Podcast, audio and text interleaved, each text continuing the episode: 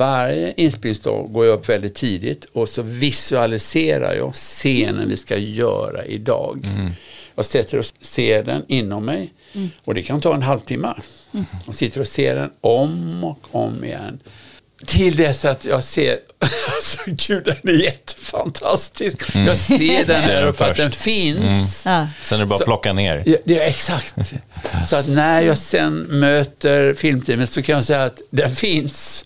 Och vi ska göra en tia idag. Och så tia var det högsta. Och det är också ett resultat av att jag inte har kvar tanken, trossatsen, I'm not good enough. Jag Ja. har trossatsen, jag är helt okej som jag är och du ska ha det bästa. Det är helt okej att våga ha det bästa.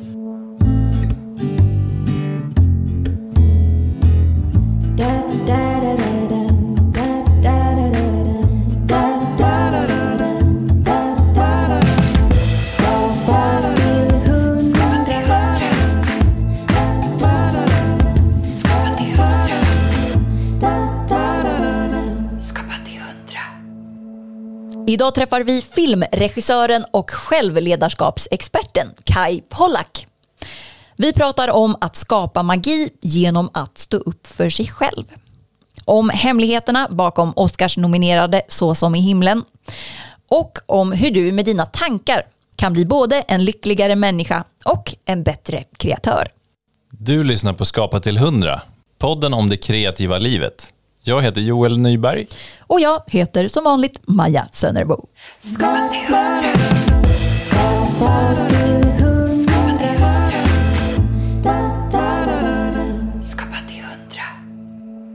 Hallå där! Hej på dig. Maja heter jag. Hej på dig Maja. Vem är du Maja? Vem? Och Vilken stor fråga.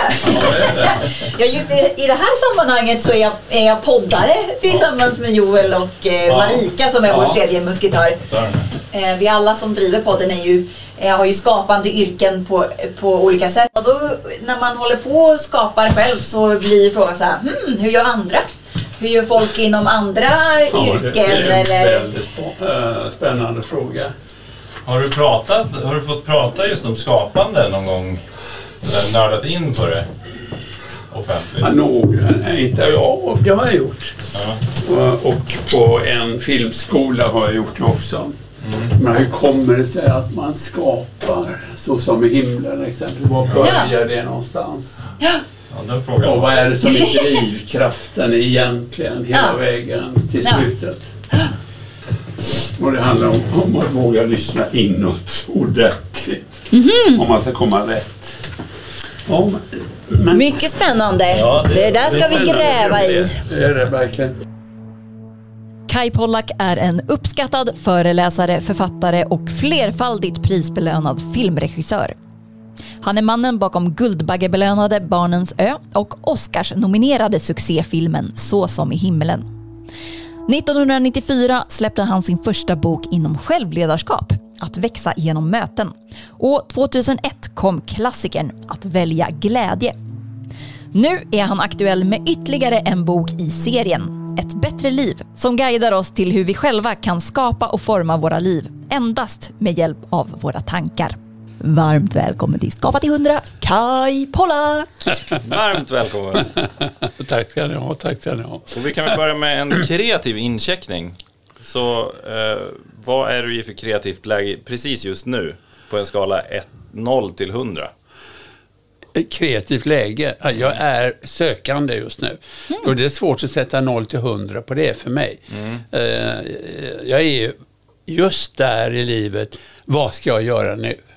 Att skriva boken tog sin energi. Det tog e- egentligen två år att skriva den boken. Och eh, därefter nu så har den kommit ut och varit och föreläst om det och så vidare. Och nu undrar jag, nu är det, nu är det där 27 december idag, det är snart nyår. Vad ska jag göra nästa år? Du har, du har ingen aning? Nej, det har jag inte. här, är det härligt eller? Ja, det är väldigt spännande. Man står med kompassen i handen så här och den, nålen slår fram och tillbaka. Men jag vet faktiskt inte. Ska det bli en ny film? Eller ska det bli någonting annat? Det vet jag inte. Ja.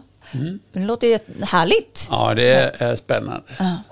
För vi funderade lite på, eftersom du har liksom flera parallella yrkesroller, vad, vad gör du en vanlig dag på jobbet? Finns det någon sån? Finns det någon vanlig dag på jobbet för dig? det finns inga vanliga dagar. Nej, men det är en rolig fråga ju. Alltså, en stor del av mitt tid ägnar mig åt att tänka på saker och ting. Mm. Och skriva om det för att göra det begripligt och förstå det. För din egen skull? Ja, för min egen skull och för att kunna föra ut det i text. Alltså mm. om jag föreläser eller i en bok. Va? Exempelvis en fråga som är ju, du är författaren till din eget liv. Mm. Du, det är du som skriver boken till ditt eget liv. Mm. Hur femtan att, att verkligen förstå det, att det är så. Mm. Det har ju tag, tagit sin tid, men det är ju då sanningen för mig. Men att göra det tydligt, det är helt otroligt att kunna göra det tydligt. Mm. Därför att de flesta av oss är uppfostrade till att det är de andra som skapar mitt mm. liv. Mm, Om de andra hade varit på ett annat sätt så skulle det varit lite lättare för mig och det skulle vara bättre för mig och så mm. vidare. Och så vidare. Hela tankesystemet som man kallar för offrets tankesystem. Mm. Men att göra det begripligt och göra det begripligt för mig själv. Därför hela tiden, jag är själv utsatt för den tanken. Det skulle varit, allting skulle ändra sig om bara den hade varit på ett annat sätt. Så hela tiden får man utmaningar. Mm. Det är du Kai som skriver boken om ditt eget liv. Ingen annan gör det. Mm. Och att ta till sig den helt fullt, det kan ju förändra en människas liv. Mm. Så du frågar, du frågar hur ser en arbetsdag ut? Ja. ja, det kan vara exempelvis att sätta mig och bearbeta en sådan text så att göra den absolut tydlig för varje människa. Mm. Ja men precis, för du, i boken som vi har läst, Ett bättre liv, så är det ju ganska korta kapitel, men det är också som att du närmar dig ibland samma ämne, alltså så här, olika sätt att närma sig ja, en tanke. Det är helt riktigt, om och om igen. Ja. Samma sak. Och det är liksom för att beskriva ur olika vinklar, liksom, eller? Ja, men det står, det står ju några sådana saker som ligger under det som vi just pratade om. Det står ju också att jag ensam har ansvar för om mitt liv blir i lycka eller olycka. Mm. Och att då och fejsa det och ta det ansvaret var, var, man inte, var inte jag uppfostrad till att lära mig att ta. Mm. Utan det var ju hela tiden att det berodde på andra utanför mig hela tiden. Mm. Uh, och det är samma sak, att, att, göra det begripligt. Det är fantastiskt att kunna göra det begripligt, kunna föreläsa om det och säga det så att människor känner, ja men det är helt sant. Mm. Det är jag mm. som har det ansvaret. Mm. Kommer du ihåg vad den första gången du kände att det här vill jag forska vidare i eller liksom utveckla mig själv och andra inom den hela självledarskapsbiten om vi kallar det ja, så? Hur började det? Ja, det är en bra fråga. Det är en bra fråga. Jag kan tänka mig att det är det faktiskt. Jag nästan ser det i skrift framför mig nu. Jag läste en bok där det just stod det. Du är författaren till Aha. boken om ditt eget liv. Och det är säkert 30-40 år sedan. Mm. Och jag tänker mig, herregud alltså jag som tyckte det fanns så många runt mig som borde skärpa sig. som, som, För det är en sak att höra det och ja. en, en, helt annan sak att förstå det. Exakt. Och vad var det som gjorde att du då förstod det? Det är en bra fråga också. Vad var det som gjorde att jag bet tag i det? Jo, för att det livet jag då levde kände jag mig inte helt nöjd med. Jag kände mig mm. olycklig. Mm. Konfliktskapande hela tiden mm. på olika sätt. Var inte eh, lycklig. Eh, det måste finnas ett annat sätt. Jag måste ta tag i det här. Det är det. Du kan inte, till slut fattar man, du kan inte ändra de andra. du kan ändra, det här har man ju läst i alla kloka böcker. Mm. Du kan inte ändra de andra, du kan ändra på dig själv. Men att bita i det mm. äpplet och ta tag i det. Mm. Ja, och än mer tänker jag liksom välja att som du börja också arbeta med, alltså skriva om det, undervisa om mm. det. Det är ju som ytterligare ett steg. Det var ju enbart till för att göra det man pratar om, är ju till, man pratar ju om det man själv behöver lära sig. Mm. Ju mer jag övar med att formulera det om och om igen, och det är ju sant för mig nu, va? det är ju mm. det som är så skönt. Men fanns det något, liksom, något, eh, någon avgörande någon ögonblick liksom, som gjorde att du kände att just det här, ja men det här ska jag skriva om, föreläsa om? Hallelujah moment. Ja, exakt. ja, det, det, är det. Eh, det finns eh, ju ett ögonblick. Det är på den här workshopen i USA för 35 år sedan. Och det är riktigt dåligt dåligt tillstånd. Jag tycker jag är långt nere. Och, och hade hört talas om den här workshopen. Mm. Och jag är så nervös och rädd för jag är förmodligen enda svensk där. Va? Men föreläsarna är helt fantastiska. Och det är den bästa workshop jag har varit på. Den förändrade mitt liv. Men mm. det fanns en mening. De sa You are only affected by your own thoughts.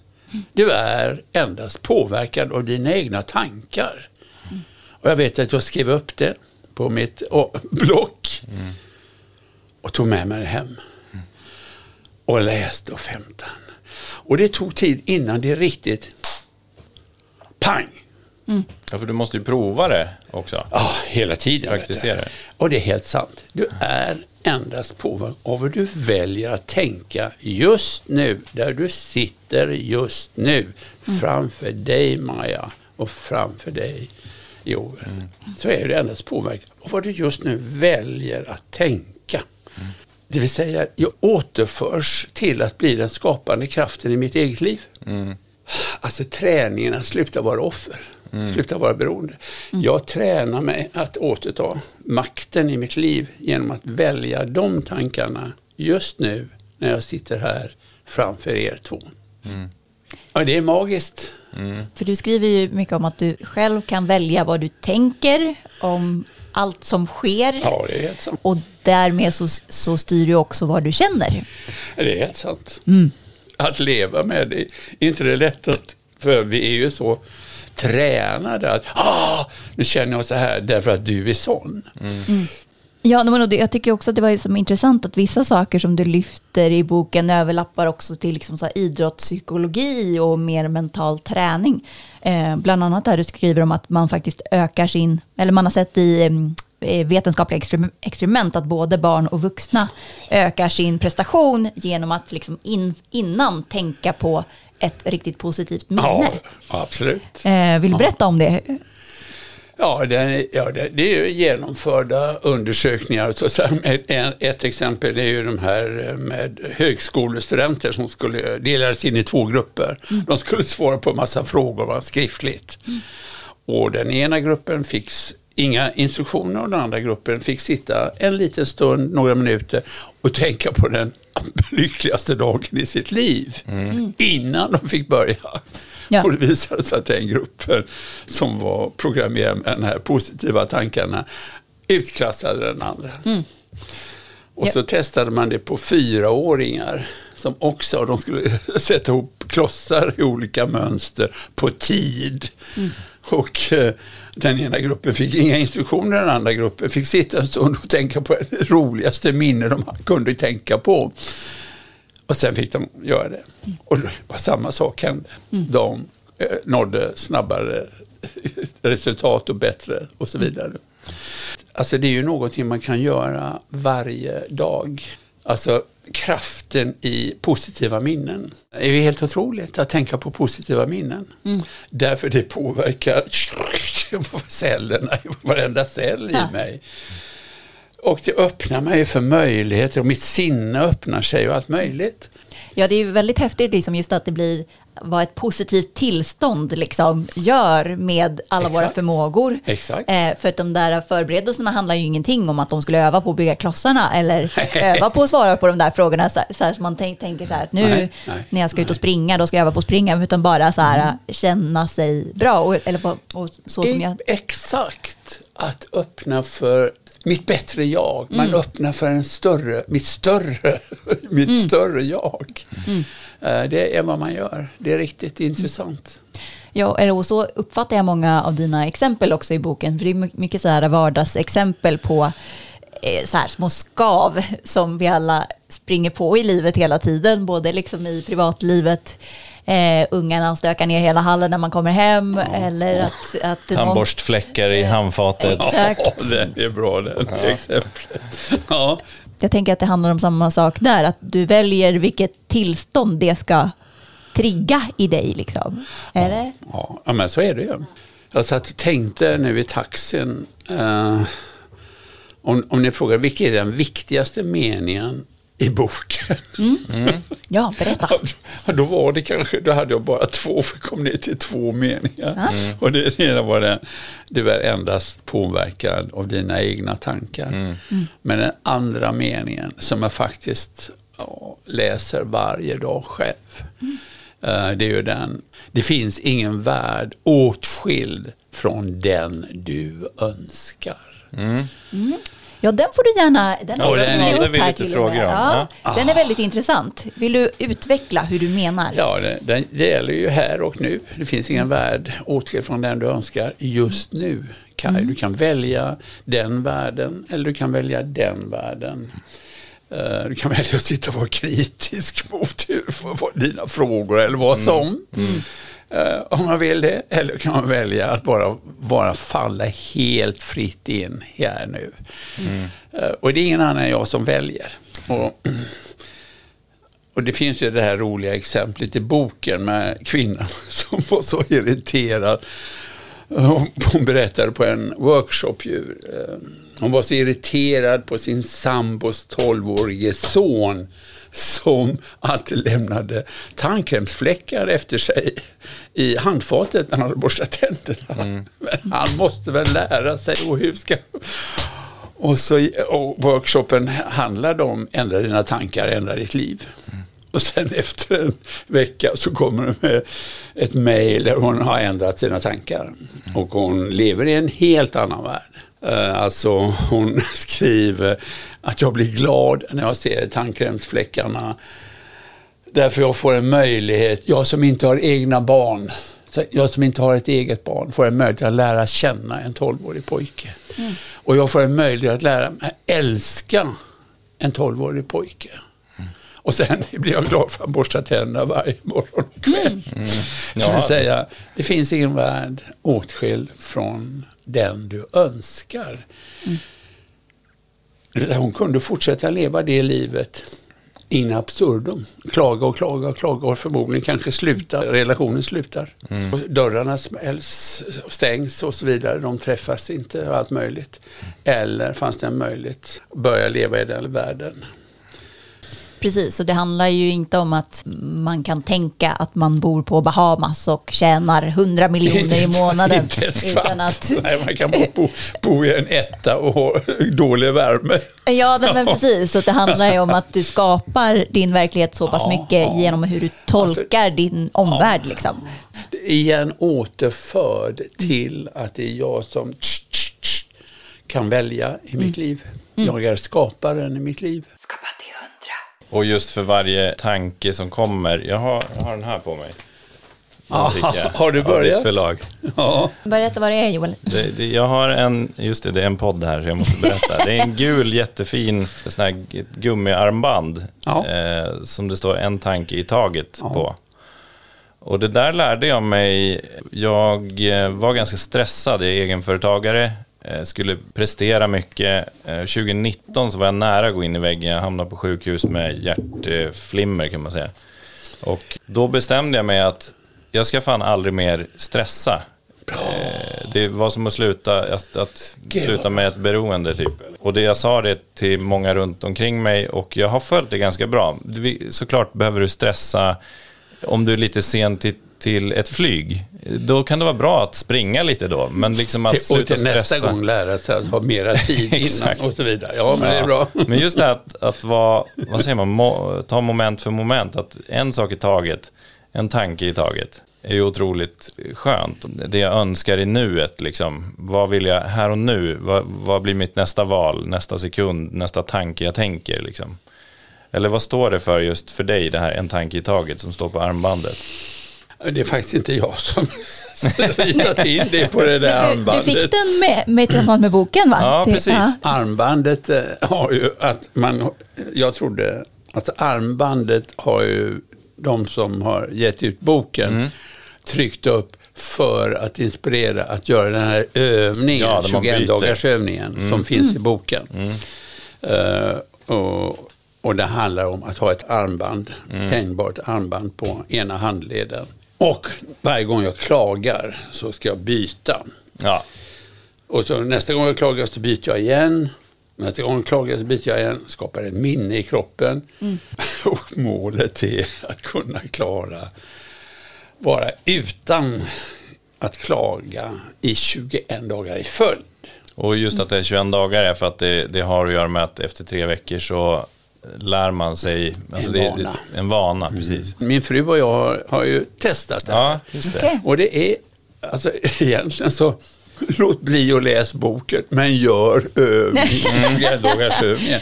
Det är det bästa. Därför då förändras hela mitt sinne. Mm. Hela mitt, jag slutar ju att kontrollera de där ute. Mm. Klaga på ungarna för att de inte eh, plockar undan efter sig på köksbordet. Mm. Gäller det även att tänka en klagan? Det får man göra. Det får man, man, man får inte man säga får tänka en klagan. Mm. Ja. För det är omöjligt kanske, eller omöjligt. Nej, men... man kan klaga. Jag tycker det här soffan är lite och så vidare. får ja. man tänka. Sitta och klaga, tänka en stund här inne. Ja. Jag borde haft en bättre soffa. Ja, de här är ännu mer osköna för att tänka det. men, Som vi sitter men jag behåller det för mig själv och bearbetar det. Och det går bra ändå. Ja, det gör det. Ja, precis. Ja, men för man, det händer ju mycket. Man blir, direkt när man blir medveten om mm. det så kan mm. man ju, det är ju det som gör att man får möjlighet att styra om. Jag tänkte när jag cyklade hit idag att jag blev så jävla förbannad på att det, jag har ingen kedjeskydd på cykeln. Så skvätter det upp sådär. Äh, slaskvatten och så blir byxorna lite sådär oljade så de blev skitsur. Varför och så nu, har du inte skaffat nu, ett kedjeskydd? Exakt, ja. exakt. Det ska jag definitivt göra. Det är en långsiktig lösning. För där var ju typiskt sånt tillfälle, tänkte jag, att så här, det hjälper inte överhuvudtaget liksom, att jag blir så arg. Nej, liksom. Det är bara förpesta min egen tillvaro. Ja, mm. Och jag kan ju också snabbt välja att tänka så här, ja fast jag kan faktiskt cykla. Ja. Det gör mig jätteglad. Jag har en cykel. Eh, det är inte liksom en halv meter snö så jag inte kan cykla. Jag är liksom frisk i kroppen. Alltså så, här, det, så det, det, går ju snabbt att liksom vända det där om man är medveten om ja. vad man blir sur på. Ordet är medvetenhet. Mm. Att bli medveten. Ja. Vakna. Mm. Vakna. Men en sak som jag tyckte var lite mer utmanande i boken ja. eh, var för de här vardagsskaven, att man blir sur på att man får slask på byxorna eller att ungarna har stökat ner. Det, det tycker jag, det känns ändå så här, ja jag kan välja tankar där, jag kan mm. välja att tolka det på ett mm. positivt sätt. Men jag tycker det känns mer utmanande för ibland så är de där skaven också kanske ett tecken på att det är något större som är fel. Jag, jag kanske är i en relation Säkert. som är dålig faktiskt på riktigt. Säkert. På jobbet eller i ett samarbete eller i ja, privat. Liksom. Ja, när ska man snälltolka och när ska man dra en gräns? Jättebra fråga. Mm. Mm. När ska du skriva om frågan till när ska jag välja att vara sann mot mig själv. Mm. Det skulle jag vilja vända på. Mm. Och det är ett av mina nyårs... Eh, jag satt och skrev nyårslöften. Och det var ett av dem. Mm. Jag kommer det här året att träna mig ännu mer att bli, som man kallar radical authenticity. Alltså att vara, välja mm. radikal sanning. Att vara mm. sann. Mm. var den ena grejen. Och sen som svar på det som du undrade, mm. det är att välja att stå upp för mig själv. Mm. Yeah. I massor av situationer. Liksom, nej men okej då, inte, nej, faktiskt stå upp. Jag håller på mitt eget värde. Har fått träna på hela mitt liv tycker jag. Det är det absolut det mest fundamentala för de flesta av oss hela tiden. Mm. Att våga Att upptäcka att alla negativa tankar man liksom åker dit med som dyker in och flyger in här i huvudet. Typ du är inte helt okej okay och det går nog inte och du är inte bra som du är och du är inte snygg och du är för tjock och allt möjligt. Va? Mm. Det vill säga negativa tankar om mig själv. Mm. Att leva med tanken I'm not good enough, jag är inte helt okej okay som jag är är att leva med attacker mot mig själv. Mm. För det första är den inte sann. Det finns inget barn som föds med tanken du är inte helt okej okay som mm. du är. Nej. Utan det är ju någonting som läggs på det barnet och en oförstående mm. omgivning. Mm. Och jag hade ju själv den tanken upptäckte jag. Jag är inte helt okej okay som jag är. Jag duger inte som jag är. Mm. Fast jag då hade gjort filmer och fått priser och allt möjligt. Mm. Så fanns det djupast i Kaj tanken. Du är inte helt okej okay som du är. Mm. Och upp, den upptäckten var ju helt fantastisk. Det var livsavgörande för mig. Att den, var, den är inte sann, den går att vända den trosatsen. Mm. Du är helt okej okay som det är. Och leva med trosatsen, du är helt okej okay som det är, är ju ett annat liv. Mm. Vad, jag än, vad jag än gör. Mm. Ja, det är ju det allra viktigaste. Därför i botten till detta ligger ju också grunden för att kunna älska mig själv. Och det, det mest tragiska är kanske att inte kunna tycka om sig själv. Baserat på otroligt tråkiga tankar jag har fått av andra från det från mellan 0 och 7 år. Mm. Vi alla har fått olika sådana tankar från skolan och allt möjligt från andra runt omkring. Kanske från en stora bro, storebror eller allt möjligt. Mm. Förminskande tankar. Ja, vi brukar prata just om den inre kritikern här i podden väldigt Exakt. mycket. Och det känns som att det här är väldigt... Det kritiska jaget. Ja, mm. och jag tänker att det på, brukar ju påverka en omedvetet kanske i, i allt. Alltså i ens relationer, i, i ens hantverk. I allt. Ja. Vad jag än gör, hur jag än sitter, vad jag än tar på mig, vad jag än gör, vad jag än, jag än mm. pratar med. Hur mycket vågar jag stå upp för mig själv eller mm. inte och så vidare. Mm.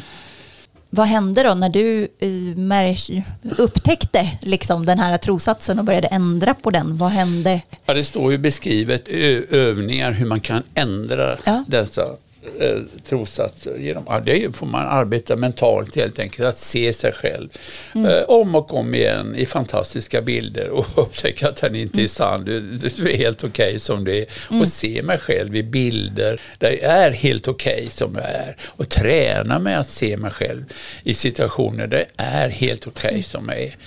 Och det är, eh, är intressant eftersom vi, den film jag gör efter insikten är ju Så som i himlen. Mm. Och det var första gången egentligen jag kunde stå inför ett filmteam och säga att, eh, eller stå inför andra människor och säga jag är värd, jag, jag är värd att ha det bästa.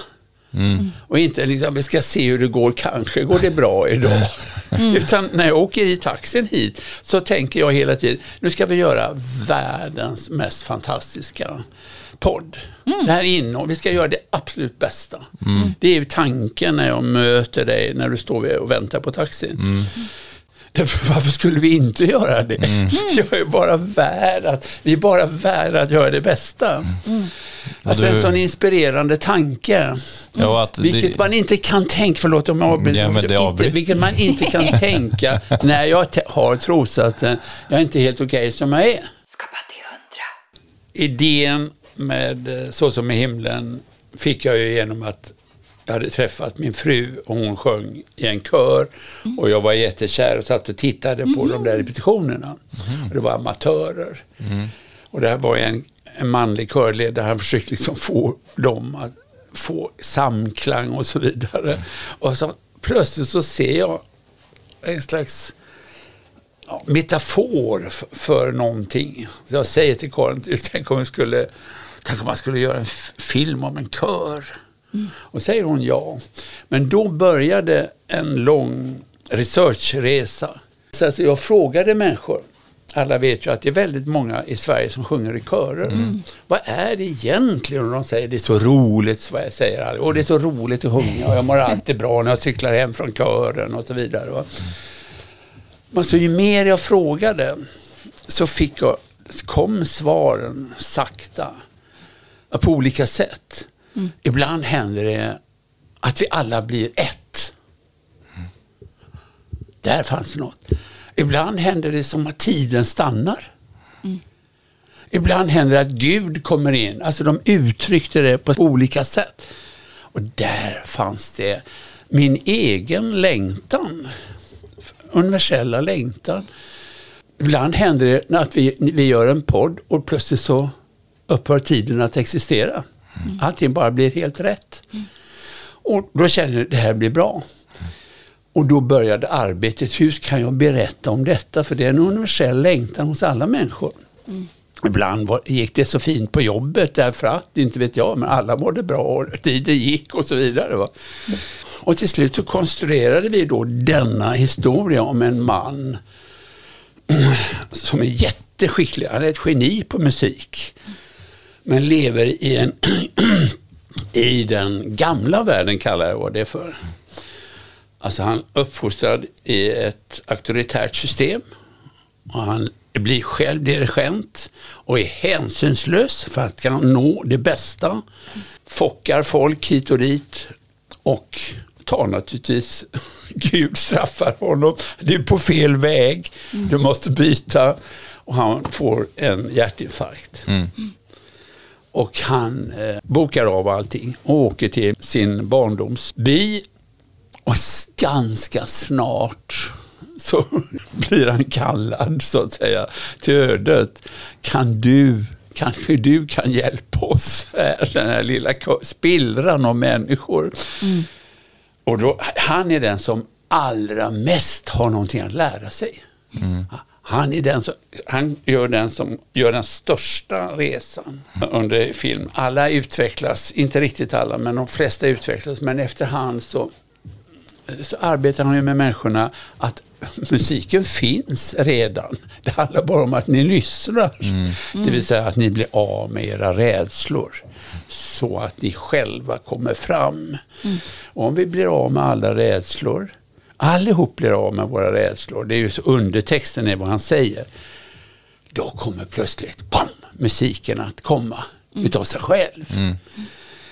Och det är intressant äh, för att den används i ledarskapsprogram. Därför att maximala provet han har att ge sina körmedlemmar är ju då de åker till den här tävlingen i Österrike. Mm. De kommer aldrig lyckas eh, om han står framför och dirigerar. Mm. Utan han inser, jag måste lämna kören. Och det, det, är oerhört smärtsamt för honom. Så att det därför kommer en hjärtinfarkt till. Mm. Så att han tvingar dem till att bli stående ensamma. Mm. Och det är då miraklet inträffar. Mm. Släpp era rädslor, lyssna inåt, lita inte på någon ledare. Bum! Så kommer hela miraklet. Mm. Och det är klart, eh, ja, det, som, det, är ett bra slut. Han hörs, men det är ett bra slut. Jag hörde dig prata i Navid Modiris podd och du pratade så himla fint om att filmen handlar om att liksom, det här med att jobba på sig själv som är liksom ditt tema i dina ja. självledarskapsböcker. Ja. Att det handlar om att gå in i, våga gå in i sin egen storhet till förmån för kollektivet. Att så här, och jag tycker att det var en fin bild att mm. för man kan, det finns kanske en fördom liksom i att om jag håller på att jobba med mig själv hela tiden, är inte det egoistiskt då för att jag inte tänker på andra? Ja, jättebra att du säger. Det ingår i förutsättningen så att säga att den ena efter den andra lämnar ju sina fängelser mm. Eh, och kliver ut det här är jag, jag har hållit inne hela tiden, säger prästfrun så länge till sin man. Mm. Jag har bara hållit inne allt jag känner och längtar efter och så vidare. Men jag ska inte göra det längre. Hon har fått kraft av det här. Mm. Vilket är alla blir berikade av runt omkring mm. henne. Mm. Ju mer du, Maja, visar av dig själv, desto mer kan vi andra spegla oss i det och växa tack mm. vare det. En sak som kom till mig när du berättade om filmen var att du beskrev att du själv, när du började tänka på att du förtjänade det bästa ja. inför Så som i himlen, ja. då kunde du helt plötsligt ge eh, liksom mycket mer som ledare eller som regissör till teamet och liksom att ni kunde prestera mycket bättre tillsammans. Absolut. Men eh, dirigenten, vad heter han, Daniel i filmen, Ja. han vill ha det allra bästa men av fel drivkrafter. Exakt. Ja. Det, var hela, det är hela så att säga, sagan, vad den, Mm. vad den handlar om. Han, Gud så att säga, sa till Daniel, du måste byta och gå in i ditt eget hjärta och börja där. Mm. Och lära. Han, han, hans resa var, jag måste lära mig att älska människorna. Apropå skapelseprocessen, Ah. att, att gå från idén att berätta om det tillståndet Mm. som egentligen alla människor längtar efter. Och hur ska jag berätta det? Ja. Det tog många år. Ja, jag förstår Ja. det. ja, exakt. Vad kan du berätta om hur själva Ja, eh, processen alltså, du vet, var jag, från... jag, prov, jag provade med, alltså, jag visste jag skulle, det var målet va. Att det ska jag göra. Men herregud, vet du, det tog så lång tid så det inte klokt kan inte ana. I många år. Var- Testade och provade och skrev eh, varianter. Alltså med någon som kom, någon körledare som redan hade kunskapen. Funkade aldrig. I själva manuset, i Det själva ba- historien? funkade Liksom. aldrig i Ah, manuset. Det blev bara ett äh, präktigt lärande, utlärande, tråkigt. Inte förrän man kom till att denna mästare som hade gått vilse i världen började möta de allra enklaste människor. Då hände det någonting. Man, Åh Gud, hur ska han? Hur ska det? Då blev det jättespännande. Men det tog lång tid innan, innan jag fann innan vi fann, för vi var ju flera i ett team som jobbade tillsammans. Och, och kände, nu är det, nu är det rätt, nu bär det. Just det, så det var liksom att forma själva manus som var en lång Absolut, det var manuset. Ja. manuset. Det är alltid manuset. Om, om manuset inte Mm. är tillräckligt bra så blir det aldrig tillräckligt bra. Vi pratade om det innan också, att de är ju så sanna i sitt skådespeleri. Ja, och just att få folk att skådespela så Ja. Sant. All, allt är med äkta känslor. Och det var naturligtvis målet att komma dit, annars kan inte publiken identifiera sig, göra själv resan. Och det, ibland krävs det många omtagningar. Eh, Och jag håller just på och läser en bok om Stanley Kubrick, som ju är ett geni inom filmkonst. Men jag läser just, han gjorde ibland över hundra omtagningar av en scen. Då Han visste exakt vad han ville. Han, han visste exakt vad han ville. Men ibland så, säger han också detta. Jag vet inte vad jag vill, men när jag ser det så vet jag Ja, vad det är. vad han inte vill och sen vad Ja, han vill. precis. Känner du igen dig i det? Ja, absolut. Ja. Men alltså göra hundra omtagningar, det hade man inte råd med. Men jag vet att det finns scener med Ingela Olsson exempel som är 20, 20 scener, omtagningar. Och, Ja. eh, och tills de är alldeles fantastiskt, alldeles totalt sanna. Jag blev bara så nyfiken med själva så här regissörshantverket. Eh, hantverket. Ja. När man hör så här, man tar hundra eh, omtagningar. Ja. Alltså något sånt kan ju, tänker jag, bryta ner en bäste ja, om det görs eh, på fel sätt. Va, vad skulle du säga är liksom dina nycklar efter alla dina filmer som du har gjort som, för att ge bra regi? Alltså skapa en bra så här, kreativ... eh, Mm. Det enda, Miljö. enda, enda ja, det är att låta göra skådespelarna så trygg. Till slut så trygg.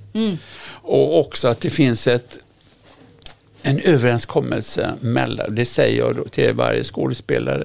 Jag kommer aldrig i den här filmen ha med någon sekvens där du inte är helt fantastisk, där du inte är bra. Så du kan lita på det. Det kommer aldrig finnas.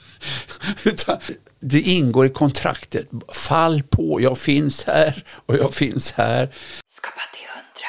När du gjorde Så som i himlen och liksom innan hade själv gått igenom den här äh, resan, liksom den själsliga resan, kunde du känna att du regisserade på ett annat sätt? Ja, det kunde jag. Absolut. Framförallt exempelvis, vilket eh, kan vara intressant här, eh, på, ja, in, inför varje dag, inför varje, det var ju 90 inspelningsdagar i, som vi har, hade, vilket är väldigt ovanligt mycket, men det var jättebra.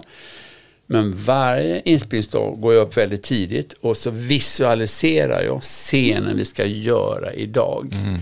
Jag sätter och ser den inom mig och det kan ta en halvtimme. Jag sitter och ser den om och om igen. Till dess att jag ser, alltså gud den är jättefantastisk. Jag ser den här uppe att den finns. Ja. Sen är det bara att plocka ner. Ja, det är exakt. Så att när jag sen möter filmteamet så kan jag säga att den finns. Och vi ska göra en tia idag. Och så tia var det högsta. Vi ska göra en tia idag och den finns. Ja. Jag står inte och säger, och det är också ett resultat av att jag inte har kvar tanken, trossatsen, I'm not good enough. Jag Ja. har trossatsen, jag är helt okej som jag är och du ska ha det bästa. Det är helt rätt av dig att du ska ha det är helt okej att våga ha det bästa. Så att jag strålar ut något helt annat. Skapa till hundra.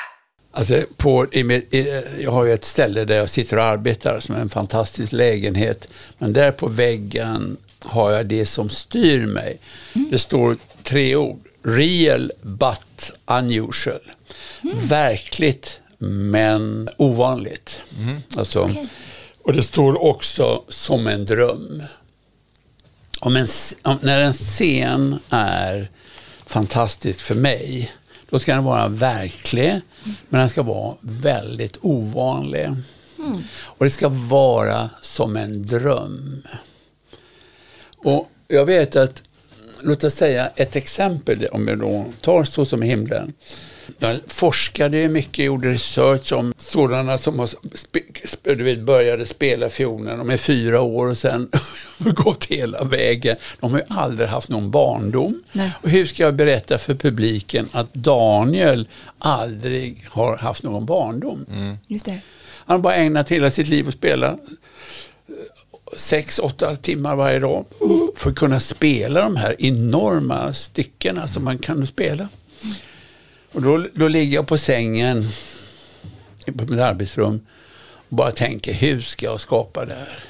Och har kvar med real but unusual och som en dröm.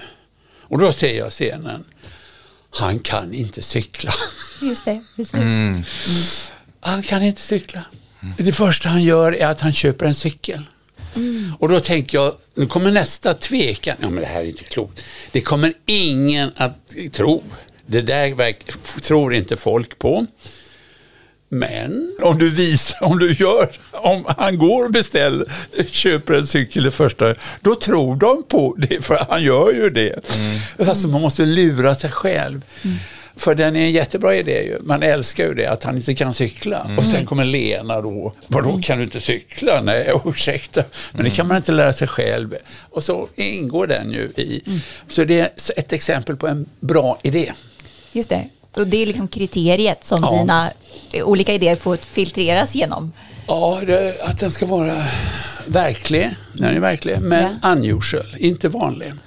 Just och det. som en dröm. Man skulle kunna drömma det. Jag var så konstigt, jag drömde att jag inte kunde cykla. ja, Mhm. okej. på så vis. Va? Va? Och, och då är det en bra filmscen? Eller? Ja, kan vara det. Men Ja. det kanske inte passar på varje scen så att säga.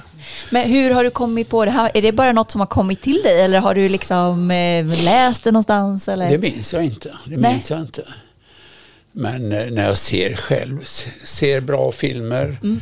Eh, riktigt bra filmer alltså. Man ska bara se bra filmer. Nej, man kan inte se dåliga filmer. Då kan man tänka, hur har de kommit på den här scenen? Mm. För den är alldeles fantastisk. Skapa till hundra. När kom kreativiteten in i ditt liv?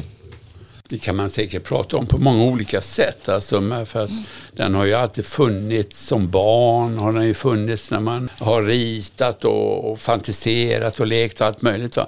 Men som, där vi skulle säga att den kom in i livet, det var när jag första gången eh, gick med i studentteatern i Umeå, när jag är 27 år.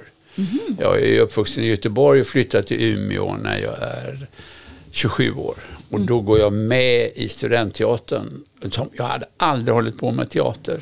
För du började en utbildning där inom, var det matematik? Ja, jag började utbildning i Göteborg men jag blev anställd där som ja, lärare och Ja, forskare på universitetet i Umeå. I matematik och statistik. Men där där kan man säga, där förändrades ju mitt liv när jag började jobba med studentteatern. Då började jag regissera, skriva och, och så vidare. Och det var mycket roligare än statistiken eller? det var plötsligt, plötsligt kände jag att jag hade kommit rätt. Ja, Var det så? ja det verkligen kändes så. Hur kom du in på statistik från första början? Ja, det var därför att jag var väldigt, väldigt bra i matte i gymnasiet. Jaha. Ja. Ja, skrev stort A på studentmatten och så var jag bara duktig i det. Ja. Eh, Så att det kändes naturligt att jag skulle läsa matte. Men det var inte din passion?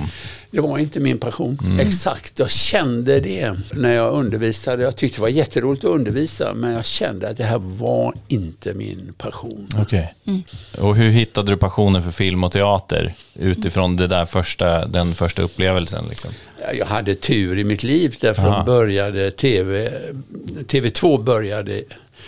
Jag kom in på TV2 och där blev det en slags skola för mig. Jag kunde göra nästan vad jag ville.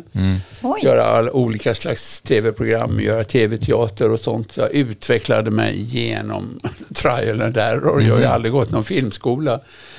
Men vadå, eh, SVT hittade dig och du... Nej, de anställde, eftersom TV2 började då, 1900, när jag är okej. 30 år. Ja.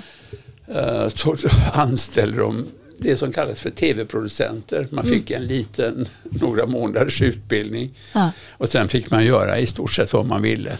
Vilken grej. Ja, det var en, väldigt, det var en, en gyllene tid faktiskt. Ja. Ja, Och då gjorde du din egen skola där kan man säga? kan man eller? säga. Jag Ja. lärde mig mycket. Jag lärde mig helt enkelt. Och då var det tv-program eller? Det var, ja, det var tv-program Mm. och tv-filmer som jag gjorde. Jag gjorde tv-serier, skrev manus, regisserade och skrev tv, tv-teater och sånt. Mm. Sen gjorde jag mina första långfilmer. För, för att jag fick bra recensioner av det som jag hade gjort. Vad var det som var så magiskt i filmens värld liksom, som du hittade? Ja, det är, en bra, det är en bra fråga. Vad är det som är så magiskt?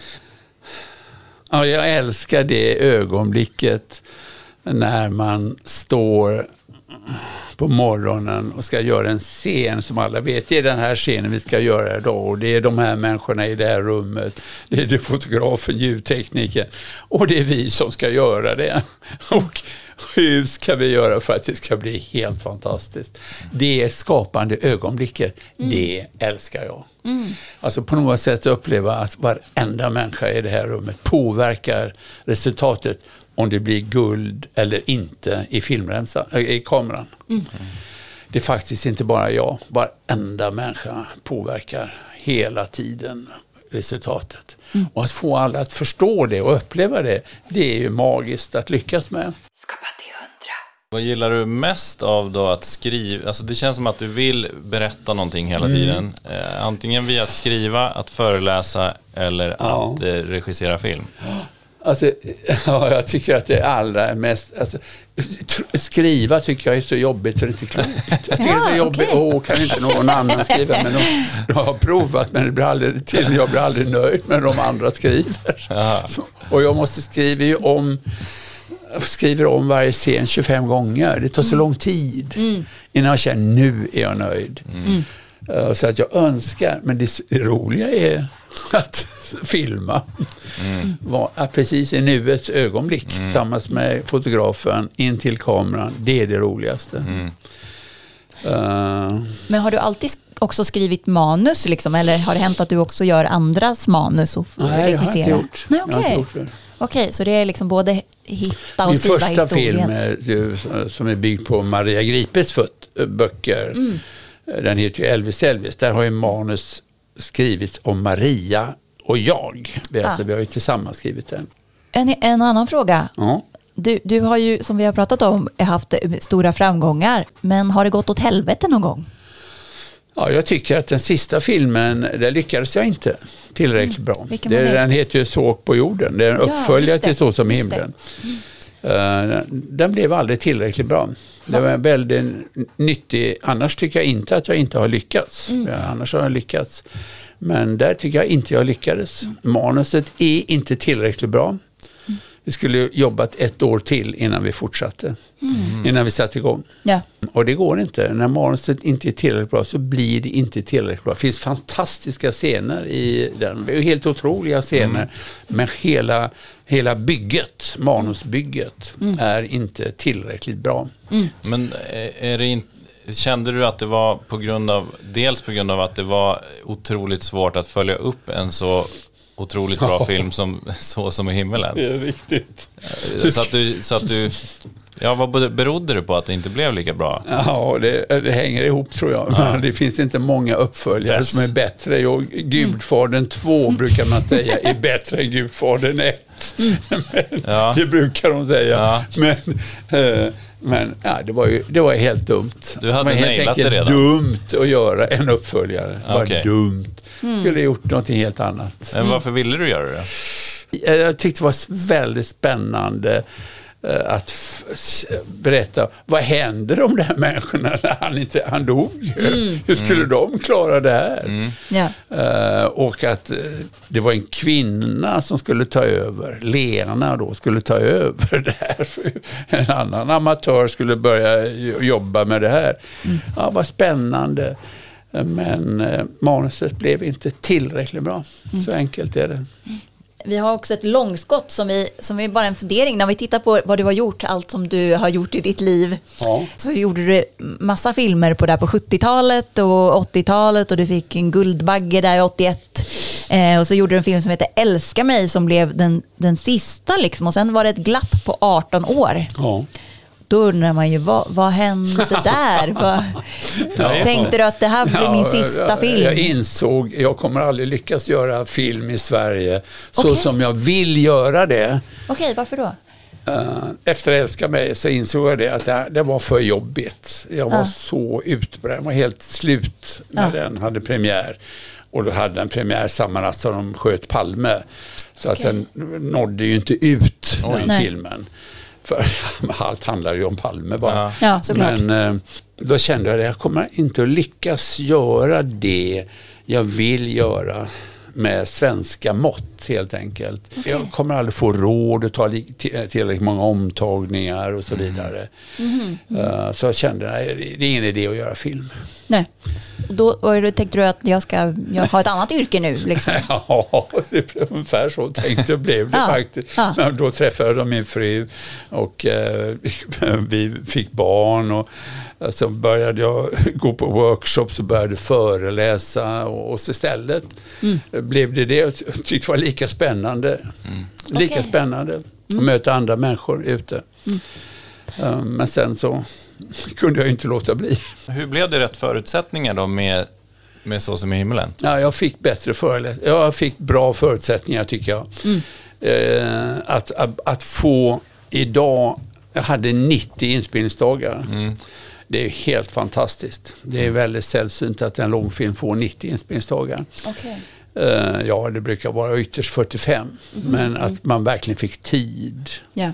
Men var det på grund av att du pitchade in idén så bra till Idén, finansiärerna? idén blev ju väldigt eh, direkt ja när till slut manuset var färdigt. Hjälpte det att du hade föreläst väldigt mycket innan?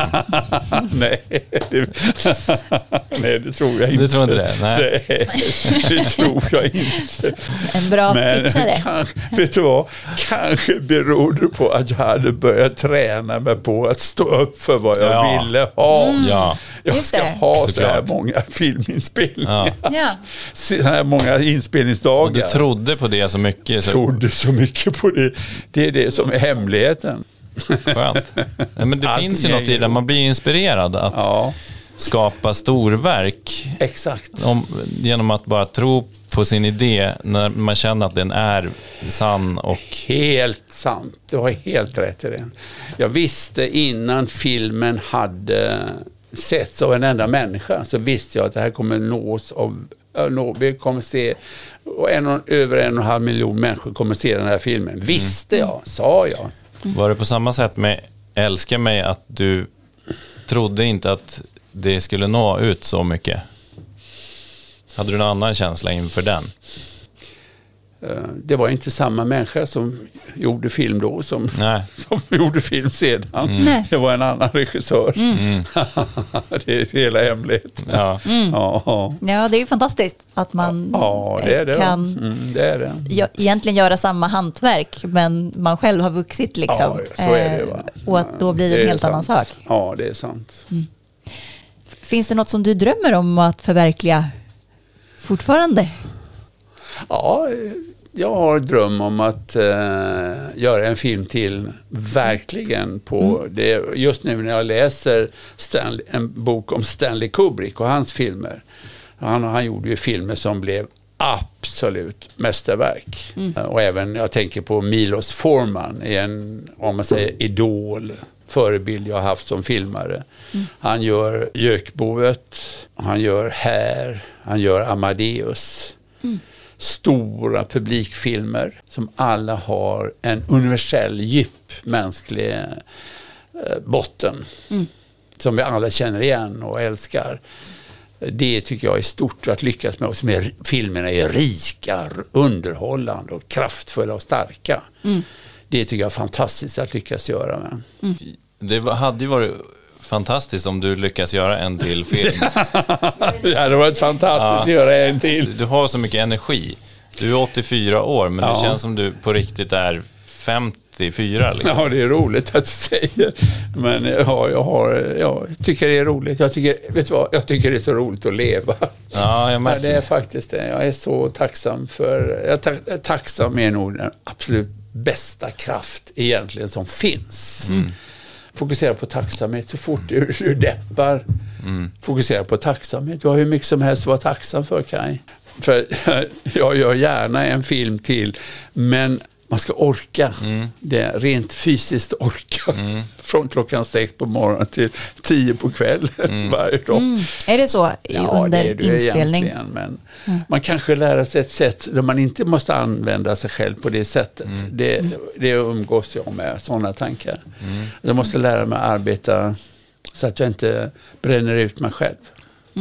Har du, kan du ha några under dig som regisserar? Som du, Ja, Som Max skulle Martin. man ha. Några, Som- Ja, regiassistenter som är väldigt skickliga. ja, men som Max Martin, jag refererar till musik nu.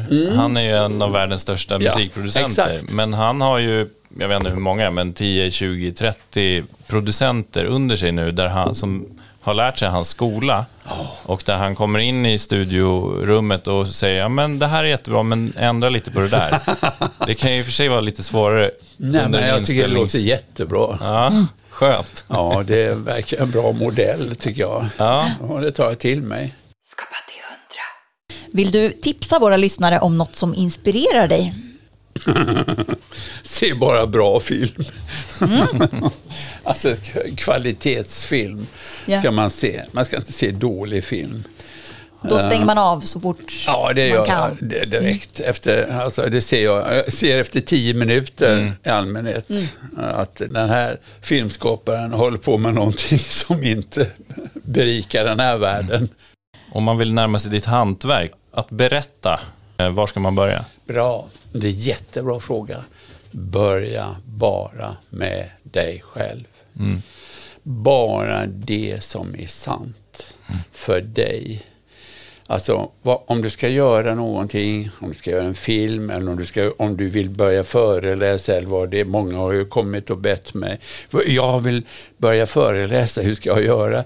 Ja, du kan bara börja berätta om det som är alldeles sant för dig. Då möjligen kan människor lyssna.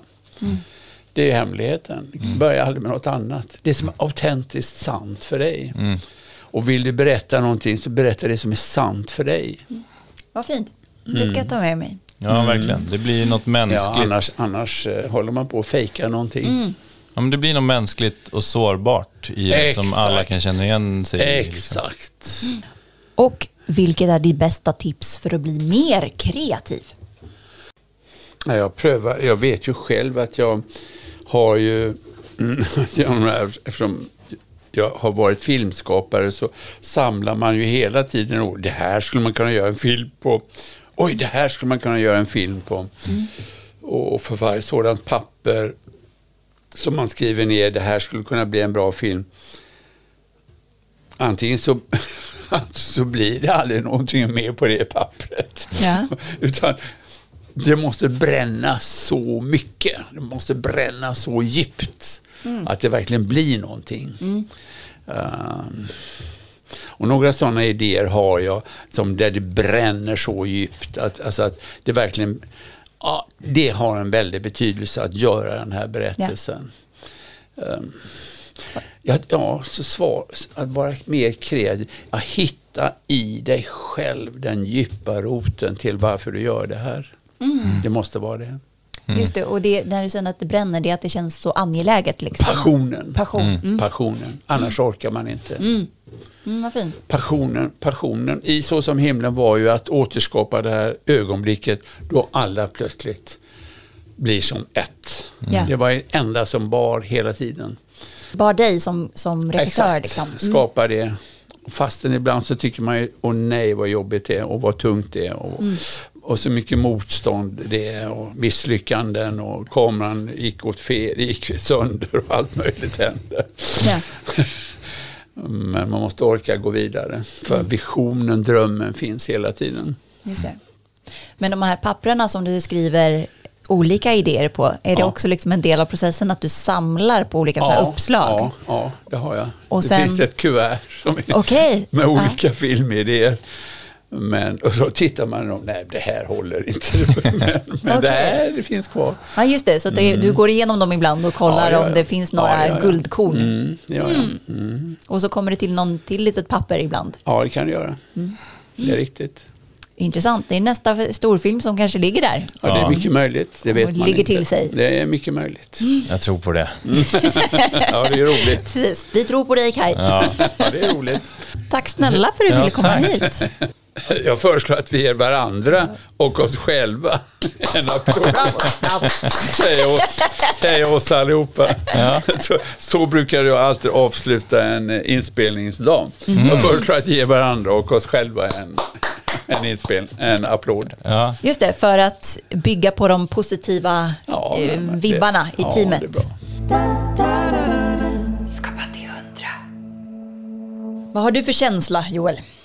Det var intressant att höra hur han typ visste, eller förstod, i alla fall efter han hade gjort eh, Så som i himlen-filmen, att det var som att det var självklart att det här kommer bli en stor film. Ja, det tyckte jag också var super... att han kommer få de förutsättningarna. Ja, exakt. Men det var också som att han visste det för att han också gjorde på ett annat sätt. Alltså Ja. Jag undrar vad som var hönan och ägget där egentligen. Jag tyckte det var svininspirerande att han började alla arbetsdagar där när de spelade in den med att visualisera Ja. att allting skulle bli så här äh, 10 av 10 varje scen liksom. Precis som en idrottskvinna eller man gör. Ja, nej, Så. Kajsa Bergqvist står och visualiserar hur hon kommer över ribban. Liksom. Ja, Innan och det, var, de gör det. Och, och det var det, jag nämnde det under intervjun också. Jag har ju läst Mm. idrottspsykologi back in the day och det är ju verkligen sånt man jobbar med där, just att försätta sig i bra tillstånd Mm. och, och, ha, och visualisera målbilder. Eh, och det tänker jag var exakt vad han gjorde. Mm. Både så här, eh, visualisera vad ska vi åstadkomma tillsammans, Mm. men också då försätta sig i, liksom om man då tänker sig att det bästa Mm. sker, då tänker jag att man också hamnar i det goda tillståndet. Mm. Fan vad inspirerande, fan vad bra det kommer att bli. Mm. Alltså redan innan man har gått in till teamet liksom, eller till Mm. arbetsplatsen. Eh, så jag tänker otroligt kraftfullt. Mm. Och att han, ja men och tillsammans med att han, som han beskrev att han hade gjort ett stort skifte liksom i sig själv, att han upplevde att han både var kapabel till det och var värd det. Att, vara värd, Ja. att han var värd att det skulle bli det bästa. Jag hade velat veta ännu mer om hur det var innan. Liksom. Jag tycker det är så in- intressant, sådana där skeenden. Det är lättare att, att prata om var man hamnade så här, efter den stora insikten, men jag tycker det är minst lika intressant var man var innan. För det är liksom det som är skiftet på något sätt. Eh, och det skriver han ju om, han använder just ordet skiftet, Skiftet, i, i boken Ett bättre liv. Att det finns ju oftast ett före och ett efter när man pratar om sådana här stora insikter. Mm. Eh, just att han var en väldigt framgångsrik regissör också innan han började jobba med, så det var inte som att han inte kunde sitt jobb. Eller, alltså, han var ju jätteduktig och framstående då också. Men Mm. det är som intressant att man ändå kan göra så här jättekliv eh, genom att jobba med hur man tänker, Mm. basically. Eh, Det var det han gjorde. Ja, men vi sa det också, jag följde med han ut i taxin nu och stod och väntade lite. Att vi kom på liksom att oj vad mycket mer det finns att prata om. Som vi, jag skulle vilja fråga om och som han kom på också. Att Jaha. oj det här, eh, ja, eller liksom, så tycker jag det är ofta att lära känna människor och att speciellt när det är intressanta människor att det är liksom ju mer man frågar desto mer eh, nyfiken blir man. Ja. Alltså ju mer svar man får desto då kommer det liksom tio frågor till på vissa svar. Men det är bra att, att det inte är det enda de har att säga. Att när vi har frågat våra frågor så är det klart. Precis. Har vi inga, Då inget mer att säga? behövs det ingen annan podd, intervju. Vad, vad tar du med dig? Nej, Det sa jag faktiskt nu, för han började fråga mig saker nu när vi gick härifrån om så här, mus- mitt musikskapande och det. Och jag sa att jag blir faktiskt väldigt inspirerad av det här att man, för jag har också något jag vill berätta. Och det handlar Med din ju- musik? Ja, inte med min reklam. Nej? Jo, på ett sätt blir det det också, men där är det mer konkret. Jag har något större jag vill berätta. Jag skulle vilja göra musik som, som jag älskar. Som, jag kan bli jätteberörd av instrumental musik som det känns som det berättar om hela ens liv utan att det är någon text. Ja. Sån musik skulle jag vilja skapa. Och jag, jag, jag blir eh, väldigt eh, jag blir inspirerad att göra sån musik.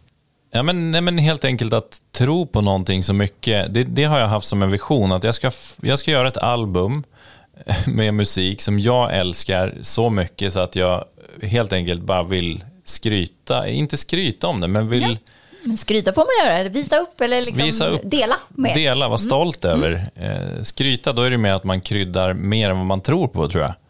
Alltså att, Ja. att Eller så är det bara Jante som talar. Alltså, Ja, exakt. Ja. Nej, men en skrytig person är ofta en som kanske kryddar lite extra. Ja, nej, men Eh. exakt. Ja, men då handlar det bara om att eh, lyfta sitt eget ego. Men att, ja men jag förstår precis vad du menar. Mm. Men att, att, inte lyfta sitt ego utan lyfta sin, sig själv, sin själ. Eller liksom, Ja, nej, men exakt. Men om man är väldigt stolt över någonting, då vill man ju också dela det. Ja. Eh, och det tänker jag är något jättefint. Som vi gör egentligen. med den här podden. Ja, ja nej, men absolut. Ja, det är klart. Eh, alla go- godbitar som vi får här från våra gäster vill vi ju såklart dela. Ja, verkligen. I, i alla. Ja. Vad, vad är du i processen med albumet? Där albumet dyker upp då och då Det, i våra är, det, det sköna på ett sätt är ju så här, det kanske aldrig blir något album. Nej, Eh, Men det finns, det, det finns redan klart här uppe. Det var inspirerande. Och det ja, kommer det jag finns ihåg. det klart i tanken, eller? Eh, det som de, han, som eh, de pratar mycket om i Så som i himmelen-filmen, att musiken finns redan här uppe någonstans. just det. Det. gäller bara att plocka ner det. Ja, Och det kommer jag ihåg då, det sa jag till honom nu, att jag blev väldigt inspirerad i musikskapande och jag frågade honom, har du hållit på med musik? Nej, ingenting faktiskt. okej. Men han, det handlar ju om uttryck, det handlar om, oavsett om det är en föreläsning, musik eller en film, så handlar det om att man har en berättelse som man vill berätta på ett visst sätt. Eller man vet inte på vilket sätt man ska berätta det, men man har något man vill säga. Och det, det är egentligen bara att plocka ner. Ja, men är inte det bara, åh. det som vi har hört eh, våra tidigare gäster prata om, att, att man inte ska, alltså det här med att man ska skilja på att vara, att vara ett geni, att det blir väldigt jobbigt liksom om man känner att jag ska sitta och tänka ut allt det här genialiska 10 av 10 som jag vill, som Mm. jag vill skapa. Utan att istället tänka att idén finns Mm. Och att jag behöver bara öppna upp. Ja, det var ju Cleo som pratade om det också. Ja. Att hon öppnar upp sina kreativa kanaler för att kunna så här, vara mottaglig för att hämta hem eller dokumentera. Liksom. Ladda ner. Eh, Ladda ner, exakt. ja, precis. Från, från eh, idémolnen, gudarna, Mm. vad det nu är. Men Jag tror det är lite det där koppla bort huvudet. Exakt. Ja. Koppla bort tankar, i alla fall om man ska skapa konst. Ja, eller ja, ja. Men sen behövs tankar för att liksom du måste ju, som musik till exempel, eh, så måste du ju tänka eh, hur gör du med gitarren för att få den att låta på ett visst sätt. ja. sen kör du med känsla när du, när du har tänkt klart. Liksom. Ja, men jag undrar om man inte skulle kunna tillämpa det där, att, och även om man inte jobbar med kultur, liksom, även eh, mera vänsterhjärnhalviga saker, alltså mer logiskt betingade grejer som man kanske ska göra i sitt hantverk eller på sitt jobb. Om man visualiserar att eh, nu ska jag göra en eh, presentation här som jag ska dra på ett möte, viktigt möte nästa vecka. Man skulle väl lika gärna ku- kunna tänka att den här presentationen finns redan. Mm. Om jag visualiserar det perfekta mötet som faller ut precis som jag vill, ä- är inte det exakt samma sak egentligen? För att det spelar ju ingen roll. Det, är inte som att det är fakta att en film finns eller att musik finns eller att en powerpoint-presentation finns. Utan det handlar väl just om att visualisera och att öppna upp för försätta sig i ett bra tillstånd. Jag känner positiva känslor inför det här. Jag tror på att det här kommer bli bra. Då har man liksom bra eh, förutsättningar att börja. Och jag känner viss tillit till att om jag öppnar upp för ett flöde, liksom, om jag bara börjar sätta mig och börja skriva här eller göra de här bilderna eller tonerna eller vad det är. Med den här ambitionen man har. Ja, att man är också öppen för, man har tillit till, till processen. Det pratade vi om Exakt. förra. Ja. Och att då är man också okej med att det första ordet man skrev var inte det mest geniala för att man har tillit till att kan- jag kommer komma fram till den här äh, ideala presentationen som jag har tänkt och känt. Liksom. Det där har jag tänkt lite på med att starta eget bolag inom det jag håller på med. Då var det så här, fan vad läskigt, det kan ju gå hur som helst. Men sen plötsligt så, eller jag kommer ihåg att jag bara, men det verkar ju funka ändå. Jag får in till hyran och sen fick jag in till en lön. Mer eller mindre. Ja, liksom, Men på det stora hela så gick det ihop. Liksom. Ja. Och att jag på något sätt bara försatte mig i en tillit. Att jag bara gör och gör det bästa jag kan. Och då, då gick det. Känner du igen dig i det? Absolut. Och jag tänker att det handlar om, alltså så här, för mig handlar det om att om man litar på en process, då, blir, då vågar man ju också släppa lite på det här kontrolliga, som är det som blir det här, eh, vad heter det? Kritiska. ja, det, det, den kreativa blockeringen Mm. är ju mycket det här, det måste bli perfekt direkt. Eh, och typ så här rädslan för så här, shit, tänk om det blir jättedåligt. Mm. Om man bara litar istället på, det är ju precis det här att gå från rädsla, att Mm. ha rädslomyntet fram till att ha kärleksmyntet fram. Jag litar på det här. Mm. Jag litar på gruppen och jag litar på mig själv. Jag litar på att vi ror det här i land. Mm. Liksom. Eh, så absolut, ja, det är ju en stor del av nyckeln Mm. liksom i att framförallt komma igång tror jag mycket för mig. Alltså typ att bara börja göra. Mm. Att inte fastna i huvudet liksom. Exakt. Eh, eller skjuta upp det eller liksom. Typ, jag gjorde en loop, eh, så här live loop-video. Alltså Jaha. för när YouTube var nytt, 2007. Var det den du visade på som blev viral? Ja, 2007 gjorde jag den och då, då bara, jag kommer ihåg att jag var inne i ett sånt jäkla flow då på något sätt med att ingen rädsla. Nej, Eh, ja, vad coolt. Det, det, var, det var liksom efter studenten, jag hade precis flyttat till Stockholm, jag hade hela livet framför mig, Mm. som man säger. Och så bara sket jag jag bara, jag kanske ser konstig ut här, men jag, jag kör. Och så bara gjorde jag en loop, live loop-video. Man kan söka på Loop Royale. Ja, Loop ja, Royale. gör det gott folk. Jättecoolt ju. Ja, men då är det är unga lilla Joel. Eh, ehm, och den blev faktiskt viral. Eh, Det var feber.se, det var någon sån här viral sajt redan då. Ja. Som, som skrev om den här och så fick den typ 11 000 views i alla fall på några Mm. dagar. Och det var ju helt sjukt då. Ja, Och då tänkte jag, fan, det här måste jag, inom två veckor måste jag göra en till. ja. Här sitter jag 2007, eh, vad är det, 15-16 år senare Mm.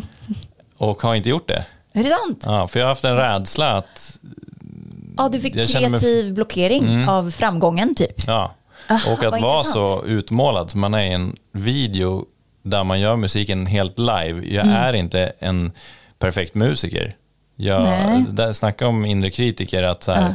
men jag tycker att den där loop-videon blev bra. Liksom. Ja, det var ju svinfett. Det var jättecoolt. Men, men eh, Men vadå, då tänkte du att det var, var det som så som i himlen, att om den blev så, den första du gjorde blev superhypat, då vågade du typ inte göra en till, för du Nej. tänkte att den kanske blir sämre, eller? Nej, för att den Eller? hade ju ändå bara 11 000 views. Aha. Alltså, sen såg jag att vissa hade uppåt en miljon redan då. Aha. Så att jag tänkte ändå så här, men det är ju 11 000 är ju perfekt för att det blev ändå en viral, Nej, liten viral succé. Så jag, egentligen fattar jag inte varför jag inte gjorde det igen. Nej men vadå, om du tittar på det i efterhand, var, varför gjorde du inte det då? Vad var det som stoppade dig? Lathet tror jag. Och, Jaha. men jag har ju en loopmaskin, jag har ju köpt nya saker, jag har så här, provat att sitta med det. Eh, Men jag har känt, ja, när, man jämför sig nog, då första gången var det ändå så här, nu har jag, nu har jag, ja, andra gången jag gör det vill jag ju speciellt eh, 16 år senare att det ska bli ännu bättre än det där. Eh, ja, det är märkligt det där. Men egentligen, det, är- det är ju det där, det är ju, det är ju rädsla liksom. Det är ju det. Du tänker för mycket, Mm. gör för lite. Mm. Man ska Ja. bara göra. Exakt. Ja, det var det jag menar med att man fastnar i huvudet. Att äh, antingen så man kör fast och man kanske också, framförallt man kör fast innan man ens har testat. Man Ja. Mm. kör fast innan man har kommit igång. Liksom. Det är väldigt intressant. Nu tänkte jag säga, jag ska göra en loop-video innan året är slut, men det är bara några dagar kvar och jag ska iväg imorgon. Ja, precis. Du ska, precis, du ska på vipassarna 2023. nu och sitta och meditera. Det är kanske då du kommer bli fri från dina blockeringar. Ja, det kan faktiskt på riktigt eh, hjälpa till mycket mer kreativa och Ja, det ska Att bli vara- superspännande. Du ska verkligen få rapportera hur, eh, för du ska, på Vipassarna då sitter man, jag har stått i kö, men Mm. det är extra kö för kvinnor. De, Det är jättemånga som vill gå på det där. för Så det är inte fått 50 plats. kvinnor, 50 män som, de, som lottas ut Just det, precis. det liksom. Men precis, så du ska nu, och imorgon ska du åka till Ödeshög Ja. och sitta och hålla käften i tio dagar Ja. och inte prata med någon Ja. och bara meditera typ hela dagarna. Intressant. ja, jag vet, folk blir helt så här, va? Och jag blir Nej, är jag, lite så- som sagt, jag är superavundsjuk bara. Men jag, det är ju väldigt intressant vad som händer med hjärnan. För det Mm. är det som, eh, och med själen och allting. Liksom, För det är ju det man är, ut- mm, liksom, det är det man är ny, eller jag känner mig nyfiken på. Att man har aldrig utsatt sig för något sånt. Mm. Och man, det är också väldigt svårt att göra det på ren viljestyrka när man lever i det vanliga livet. Så man måste typ Mm. åka bort. Och göra det i organiserad form. Liksom. Och det är tydligen väldigt organiserat. Min tjej Rebecka har ju varit på det där och mm, vi, vi, vi, vi klickar väldigt bra jag och hon, så jag vet inte om vem som helst hade kunnat eh, inspirera mig till att göra det där. Eh, för hon pratar mitt språk. Och hon har inte försökt få mig att åka på det där, utan hon, vi pratar om allt. Och så har hon berättat om det där och så har jag varit nyfiken. Bara, men, eh, tror jag skulle, ja men du vet, jag har varit nyfiken. Och jag åker ju på det där själv. Eh, Ja. Och det blir dessutom svinkul att, att prata med henne sen om, för hon kä- har ju inte någon i sin närhet som har gjort det. Och hon har saknat att prata om erfarenheterna, eh, med, om erfarenheterna med någon liksom, nära. Så det kommer bli jätteintressant. Jag kommer ju, ja, jag kommer inte prata med, alltså vara till, det ska bli jätteskönt att inte vara tillgänglig på mail eller telefon. Det, det ser jag jättemycket fram emot, att bara gå in och få vara, um, ja, inte egentligen bry sig om någonting. Nej. Nej, och jag tänker man kommer, du kommer ha fullt upp med din egen business. Alltså allt som man, för det är väl också det som man behöver hantera när det blir tyst. Så är Precis. det alla ens inre röster och som ploppar upp. Ja, och det där hade jag jätteproblem med för något, ett par år sedan. Inre, alltså jag lyssnade hela tiden på någon podd, jag liksom hade svårt för ty- tystnad, men jag har övat på det där eh, senaste halvåret typ. Och är inte alls lika rädd för den nu. Nej. Mm, det. Som sagt, du får eh, återrapportera Ja, här när du är det. tillbaka i verkligheten om eh, vad du har lärt dig, ja. vad du vill föra vidare ja, till, till mänskligheten. Ja, precis. ja, ha har det kul på Vippa stannar du. Ja, jag ska åka iväg och vippa nu ja. Hej då! Hej då! Skapa humor. Skapa